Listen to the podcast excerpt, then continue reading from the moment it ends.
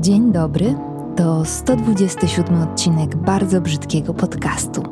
Odcinek, w którym po prostu pragnę do Was mówić. Nie mam zielonego pojęcia, czy ten cały bełkot przyjmie jakieś określone ramy, czy będzie to taki nieco ogarnięty na potrzeby słuchowiska strumień świadomości. Nie mam pojęcia, mm, ale jestem zwyczajnie nienagadana, więc nie chcę trzymać się żadnego planu odcinka albo jakiegoś wcześniej ustalonego tematu lub scenariusza.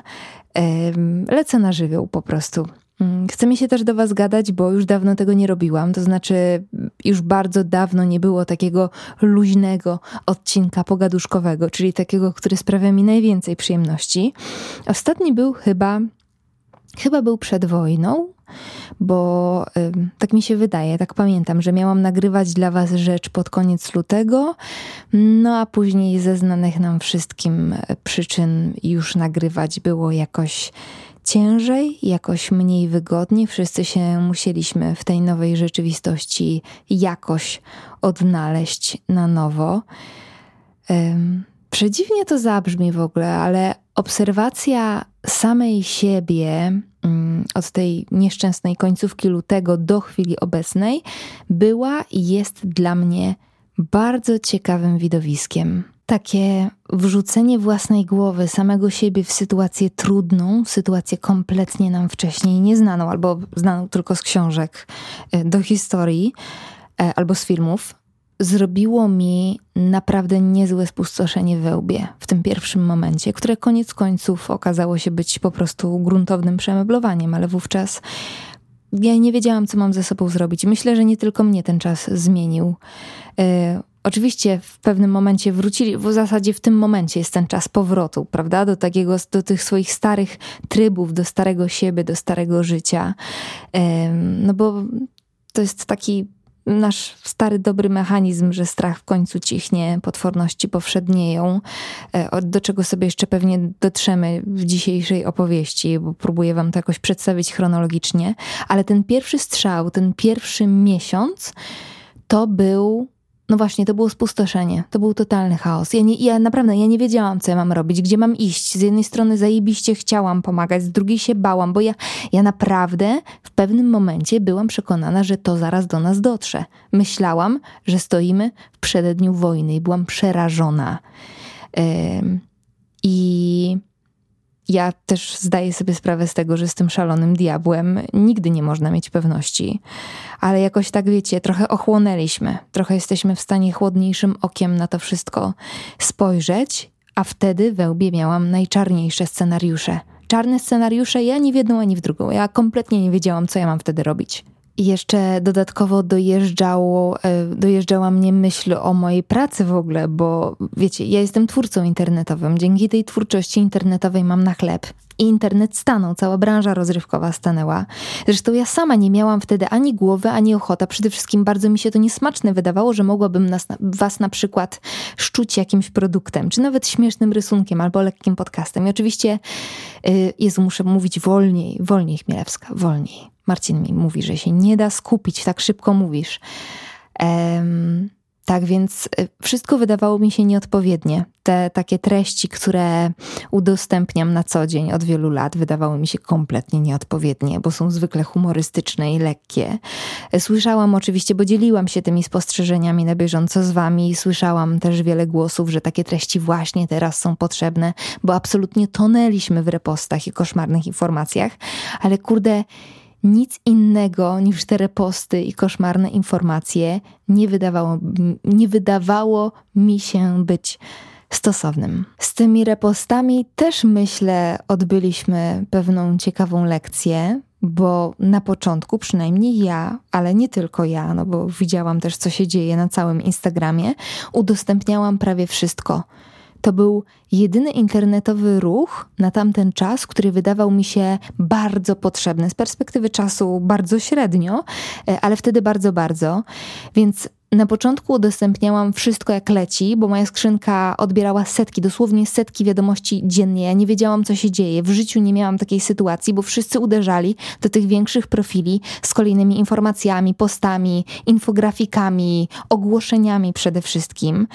Straszny się oczywiście zrobił chaos. Nie trzeba w ogóle, nie trzeba zgadywać. Można się domyślić, że przy takiej ilości informacji i siłach przerobowych jednej osoby e, nie mogło to prowadzić do niczego dobrego, ale nie byłam w tym sama, w tym takim właśnie pierwszym chaotycznym odruchu, bo pamiętam jak przeklikiwa przeklikiwałam się przez stories osób, które sama obserwuję i w pewnym momencie człowiek się wyłączał przy tej lekturze, bo było tego tak dużo. No i stopniowo dochodziło do mnie, że chyba kurczę, no chyba nie tędy droga, że jakoś to trzeba wszystko uporządkować. Później próbowałam udostępniać tylko informacje z Małopolski, ale to też wychodziło mi tak sobie. E, oczywiście od, odczuwałam pewną sprawczość, no ale wciąż. E, to, wiecie, to, ja nie wiem, jak to określić. Tak się szarpałam z tym chaosem, z tą chęcią pomocy, ale i bezsilności.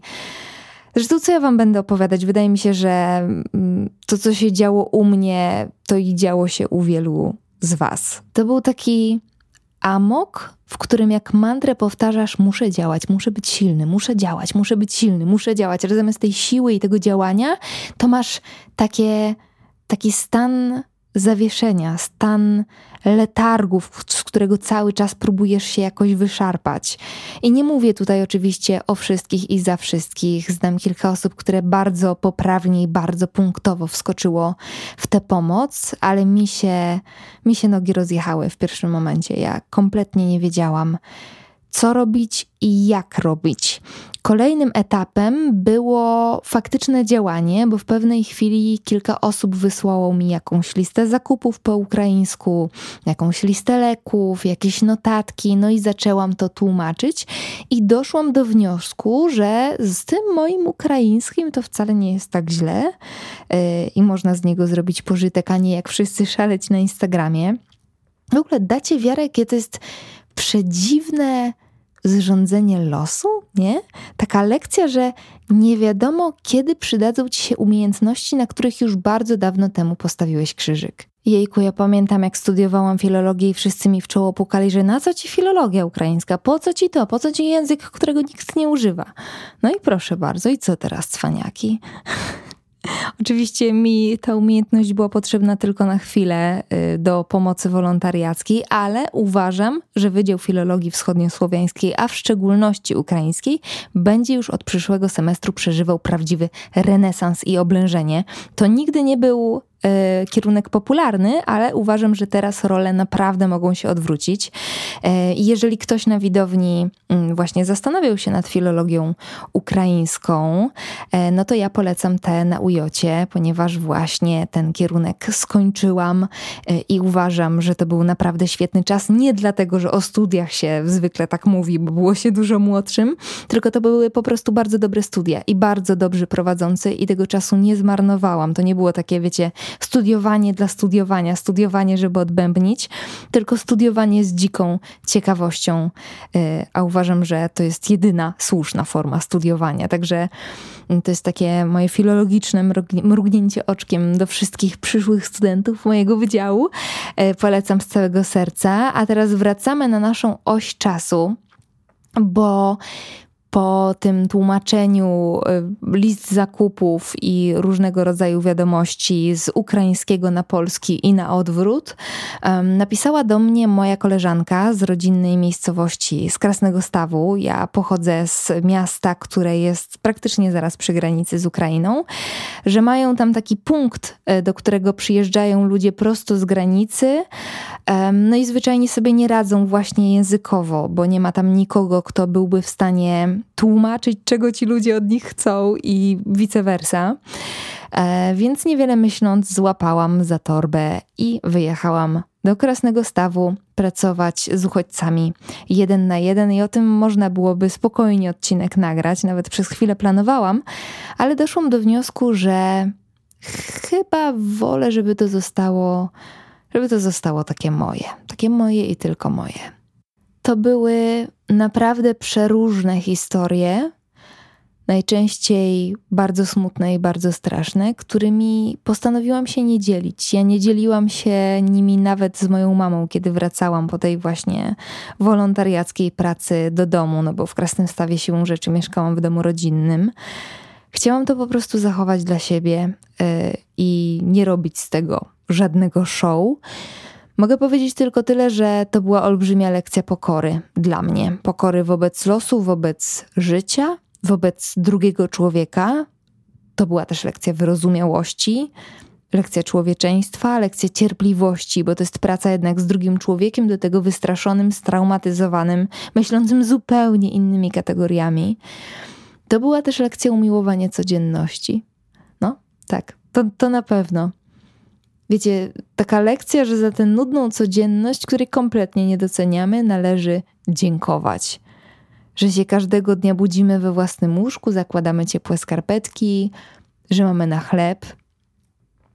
Zupełnie, ja, ja wiem, że to są, wiecie, takie oklepane frazesy, oczywistości, ale bardzo często o nich zapominamy. W tym kulcie materializmu, który nas bombarduje ze wszystkich stron, mamy apetyt na więcej, więcej, więcej. Cały czas żyjemy w poczuciu braku. E, I oczywiście w pewnym sensie to, że mamy potrzebę na więcej, jest dobre, no bo pcha nas do przodu, ale teraz też jest przepięknie. Ja naprawdę bardzo żałuję, że uczyłam się doceniać moje nudne życie w tak strasznej dla innych sytuacji. To poczucie winy w ogóle jest y, innym zagadnieniem wojennym, o którym często rozmawialiśmy na moim Instagramie, że każda mała radość podczas tych trzech miesięcy ostatnich łączyła się z gratisem w postaci poczucia winy. Że ty się cieszysz, a ktoś, a ktoś teraz cierpi. Musiałam to w sobie przepracować, ale właśnie po tym czasie, po tych wszystkich lekcjach, które odbyłam, dochodzę do wniosku, że warto się cieszyć, bo nic nie jest na pewno i nic nie jest na zawsze. Więc fajnie jest być teraz. No i to chyba tyle z moich polsko-ukraińskich pamiętników. Swoją drogą to zabawne, jak szybko wydarzenia się dezaktualizują, prawda? Mm, no, wystarczyły trzy miesiące, żeby w pewnym sensie przyzwyczaić się do myśli, że za wschodnią granicą trwa regularna wojna, że giną kobiety, dzieci, niewinni cywile, młode chłopaki i dziewczyny na froncie. E, też, żeby była jasność, ja nie jestem w stanie tego do końca potępiać. To nie jest tak, że zobojętnieliśmy celowo. Tak po prostu działa nasza głowa. W innym wypadku najprawdopodobniej byśmy się wykończyli nerwowo, będąc w takim nieprzerwanym rozedrganiu ale jest w tym coś, w tej dezaktualizacji, jest w tym coś, obok czego nie potrafię przejść obojętnie, co czasem mnie zatrzymuje i skłania do przemyśleń.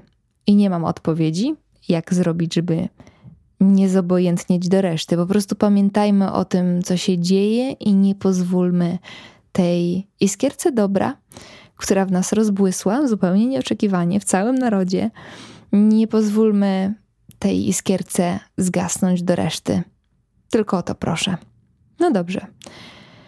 No dobrze, to teraz y, przejdźmy do dalszej części odcinka, bo y, z nikim się nie umawiałam, że ma być to odcinek o wojnie. Poza tym, oprócz tych, tych y, strasznych realiów, działy się też inne rzeczy, działa się codzienność. Więc.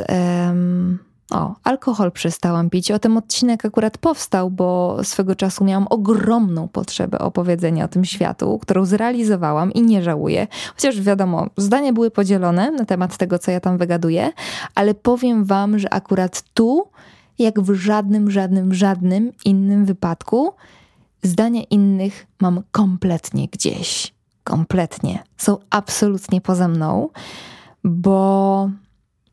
Mm, Jejku, przychodzi mi jakieś takie sformułowanie, które brzmi jak z Pisma Świętego, ale czuję teraz, że żyję w prawdzie, w swojej prawdzie.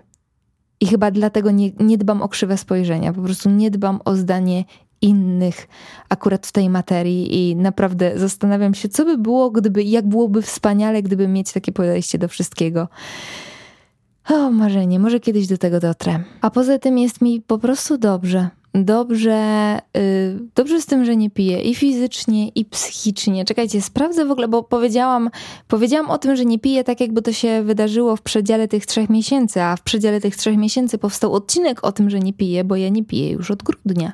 Tylko wcześniej się nie chwaliłam i zaraz sprawdzimy, ile to już trwa. Mam e, aplikację taką, nazywa się I am sober mało, czyli jestem trzeźwy, bardzo mało dyskretnie, e, ale ją polecam, bo jest bardzo wygodna i liczy wam właśnie dni od momentu, kiedy podjęliście tę wielką decyzję.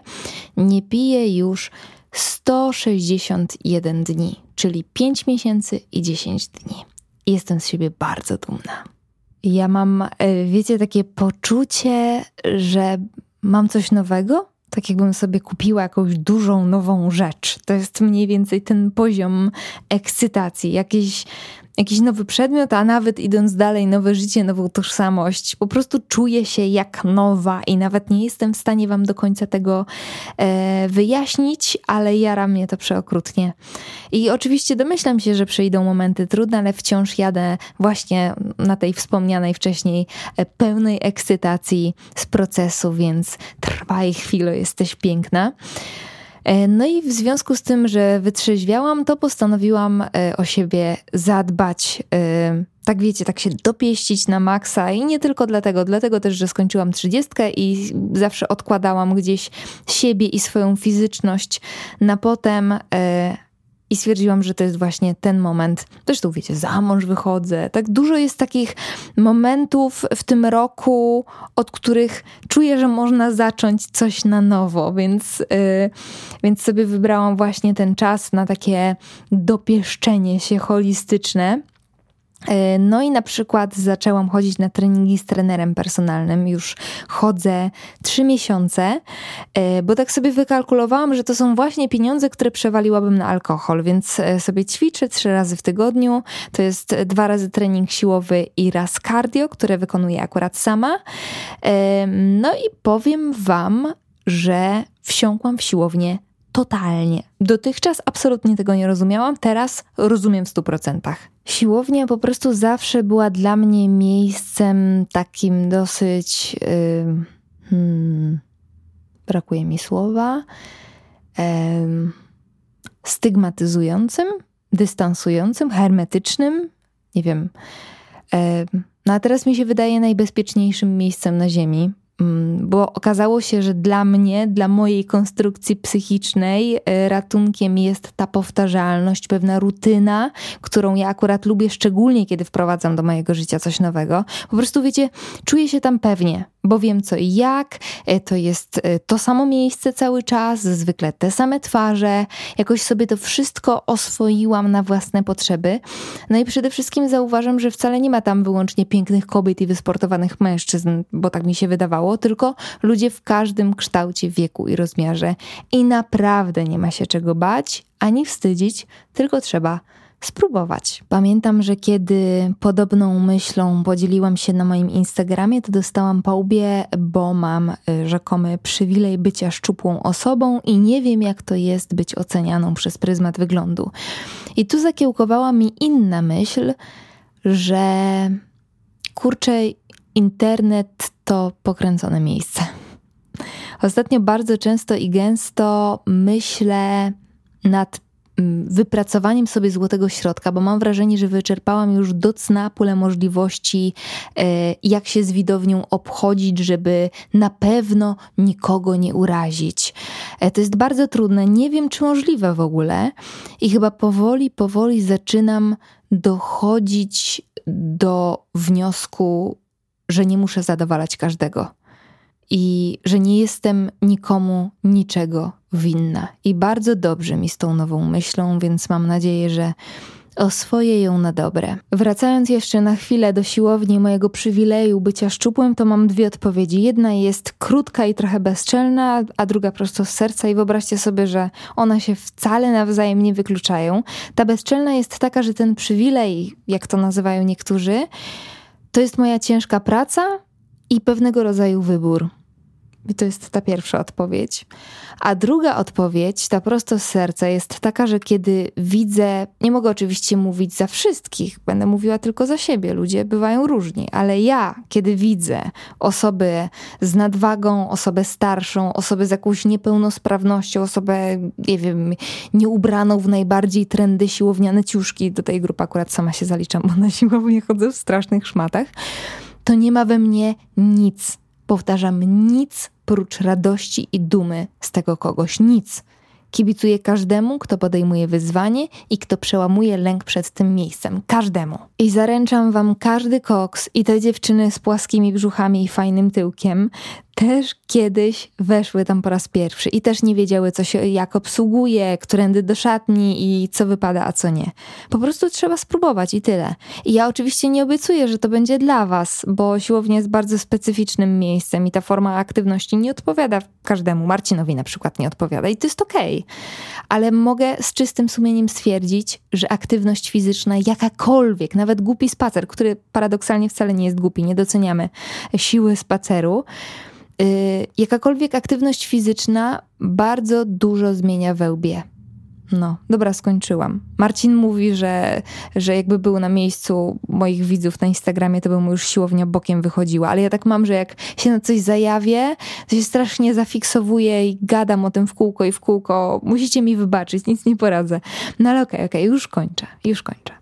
A jak już przy Marcinie jesteśmy, no to biorę ślub z tym draniem już bardzo niedługo i powiem wam, że ta ostatnia prosta jest wyczerpująca nawet z wedding planerką, która jednak mocno nas odciąża, ale wciąż. Więc e, tym bardziej jestem pełna uznania i podziwu dla wszystkich par, które za to przedsięwzięcie biorą się samodzielnie. E, ja bym nie potrafiła, chyba. E, bo to jest naprawdę stresujący czas. Z drugiej strony staram się cały czas e, usprawiedliwiać te nasze wewnętrzne rozedrganie, no bo kurde, no w życiu nikt takiej imprezy wcześniej nie robił, tak dużej. To, to jest naprawdę duże przedsięwzięcie i pewnie już nigdy w życiu większość z nas nie zrobi takiej imprezy, więc siłą rzeczy jest to organizacyjny koszmarek.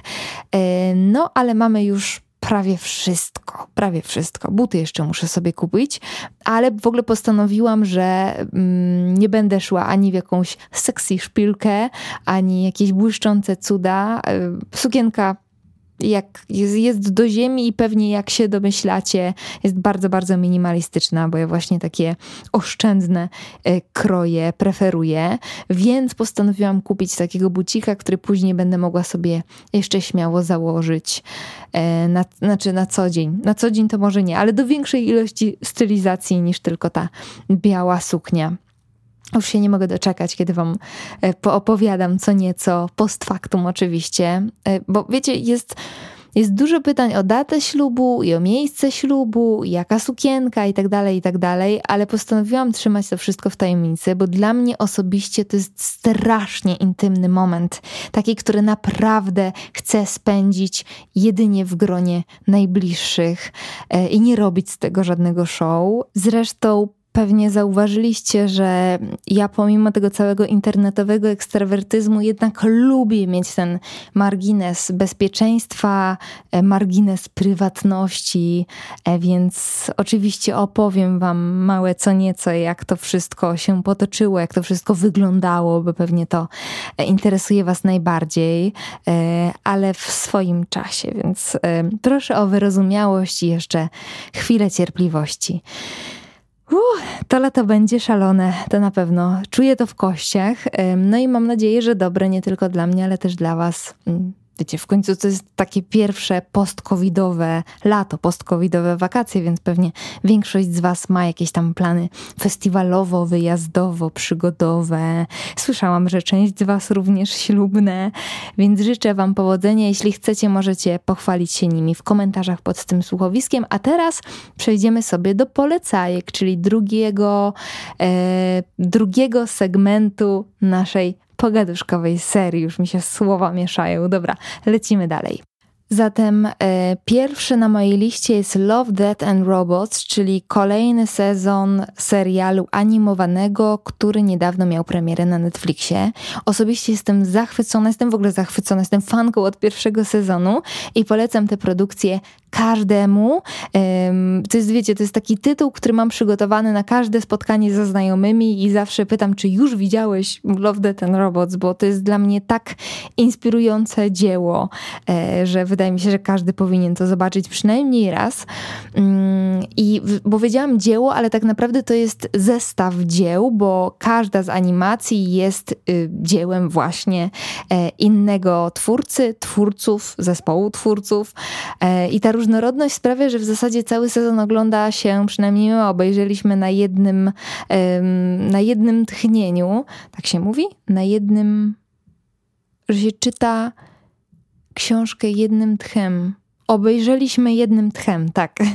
Obejrzeliśmy jednym tchem um, najnowszy sezon, e, no bo działa tutaj taki trochę, se, z, Boże, efekt jednorękiego bandyty, trochę jak wiecie na TikToku, że nie wiesz co pojawi się po kolejnym wciśnięciu play, więc niewiele myśląc je wciskasz, no i ani się obejrzysz, a oglądasz ostatni odcinek, który zresztą zostawia cię z niedosytem.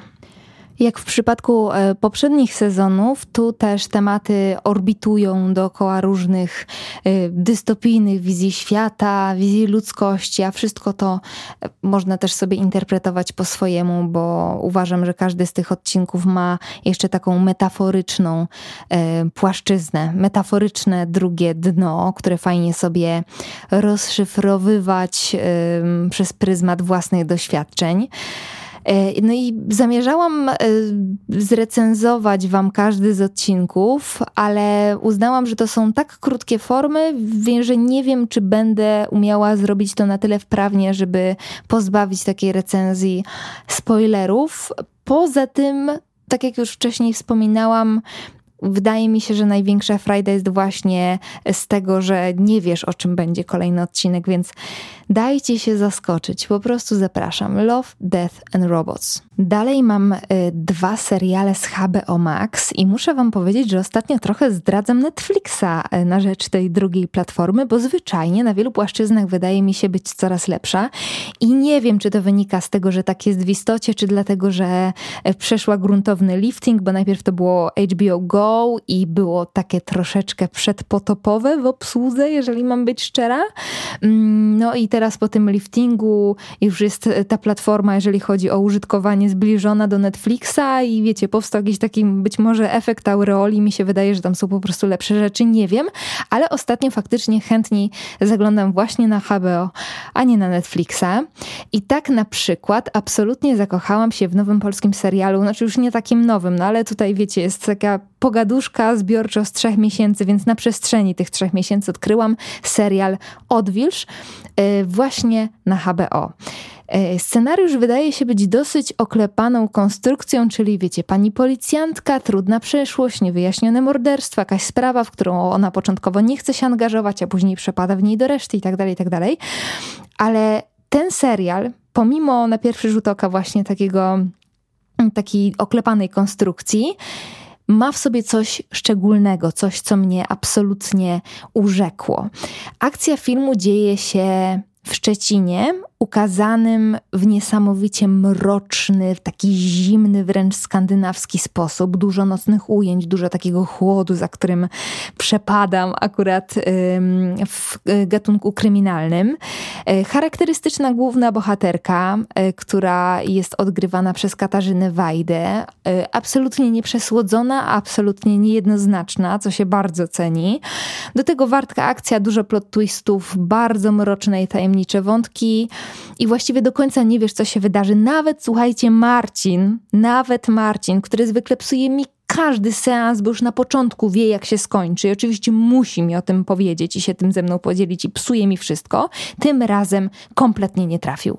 Nie będę też do końca lukrować y, tej recenzji, dlatego że mm, dostrzegam w tej produkcji pewne niedoskonałości na poziomie scenariusza, ale też z drugiej strony nie chcę, wiecie, bo to, to jest takie wymądrzanie się, tak? Jak dziadek z wujkiem oglądającym mecze reprezentacji, że oni by to lepiej zagrali.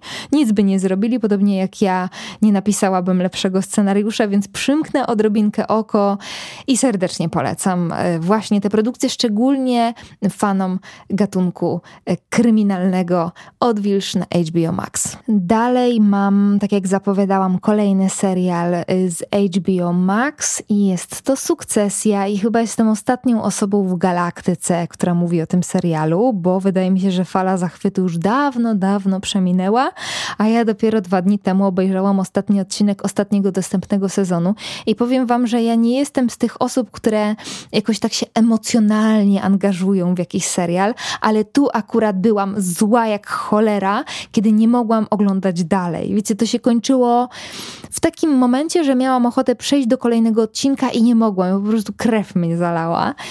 E, a wracając do samej produkcji, to nie jest z pewnością serial dla wszystkich. Domyślam się, że niektórych może trochę nudzić, a mnie za to pochłonął na maksa. Historia opowiada o pewnej rodzinie, która od dziesięcioleci ma pod sobą globalną korporację mediową, różne kanały, różne media, radio, prasę i tak. Tak jakby ym, zajmowali się mass mediami, jakby tworzyli mass media amerykańskie w zasadzie od początku.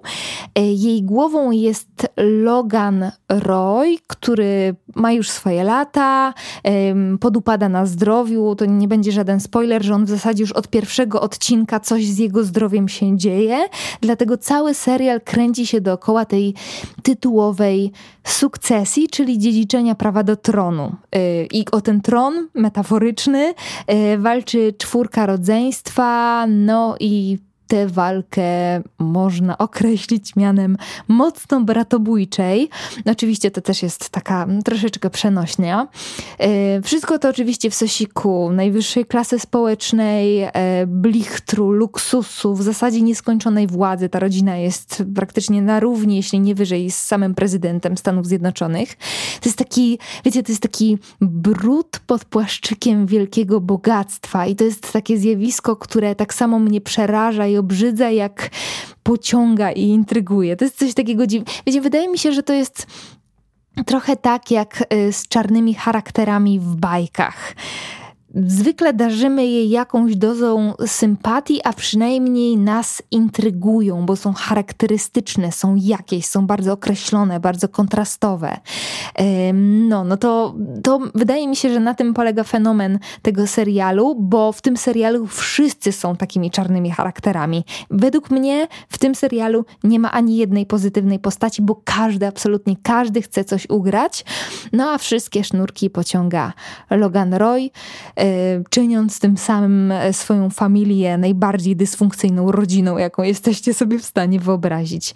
Naprawdę mocno mnie to pochłonęło. Świetna gra aktorska, w ogóle świetna. E, czytałam gdzieś, że dużo scen jest improwizowanych i to ewidentnie czuć. Przede wszystkim czuć, że ci ludzie się świetnie bawią na planie w swoich rolach. No kurczę, no polecam, po prostu polecam. Dajcie temu szansę.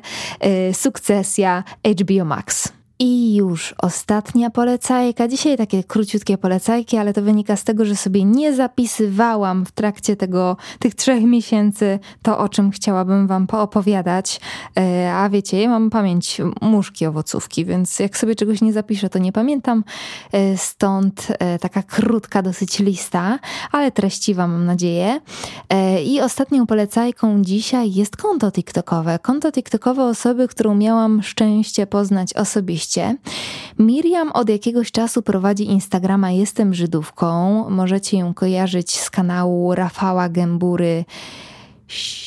Chyba siedem. Jezu, nigdy nie pamiętam. Siedem metrów pod ziemią, gdzie opowiadała o życiu ortodoksyjnych Żydów w Polsce prywatnie jedna z najciekawszych i najbardziej błyskotliwych osób, jakie w ogóle miałam okazję poznać, ale Miriam postanowiła założyć TikToka. I szczerze powiedziawszy, jak się dowiedziałam o tej decyzji, to się za głowę złapałam, bo. Ej, no cóż, no jak ktoś chociaż raz był w sekcji komentarzy na TikToku, to wie o co mi chodzi. To, tam jest. Pff, to jest cała masa dzieciaków, dziwaków sfrustrowanych troglodytów, którzy są w stanie ci dokopać i oczy wydłubać za to, że w ogóle żyjesz i oddychasz.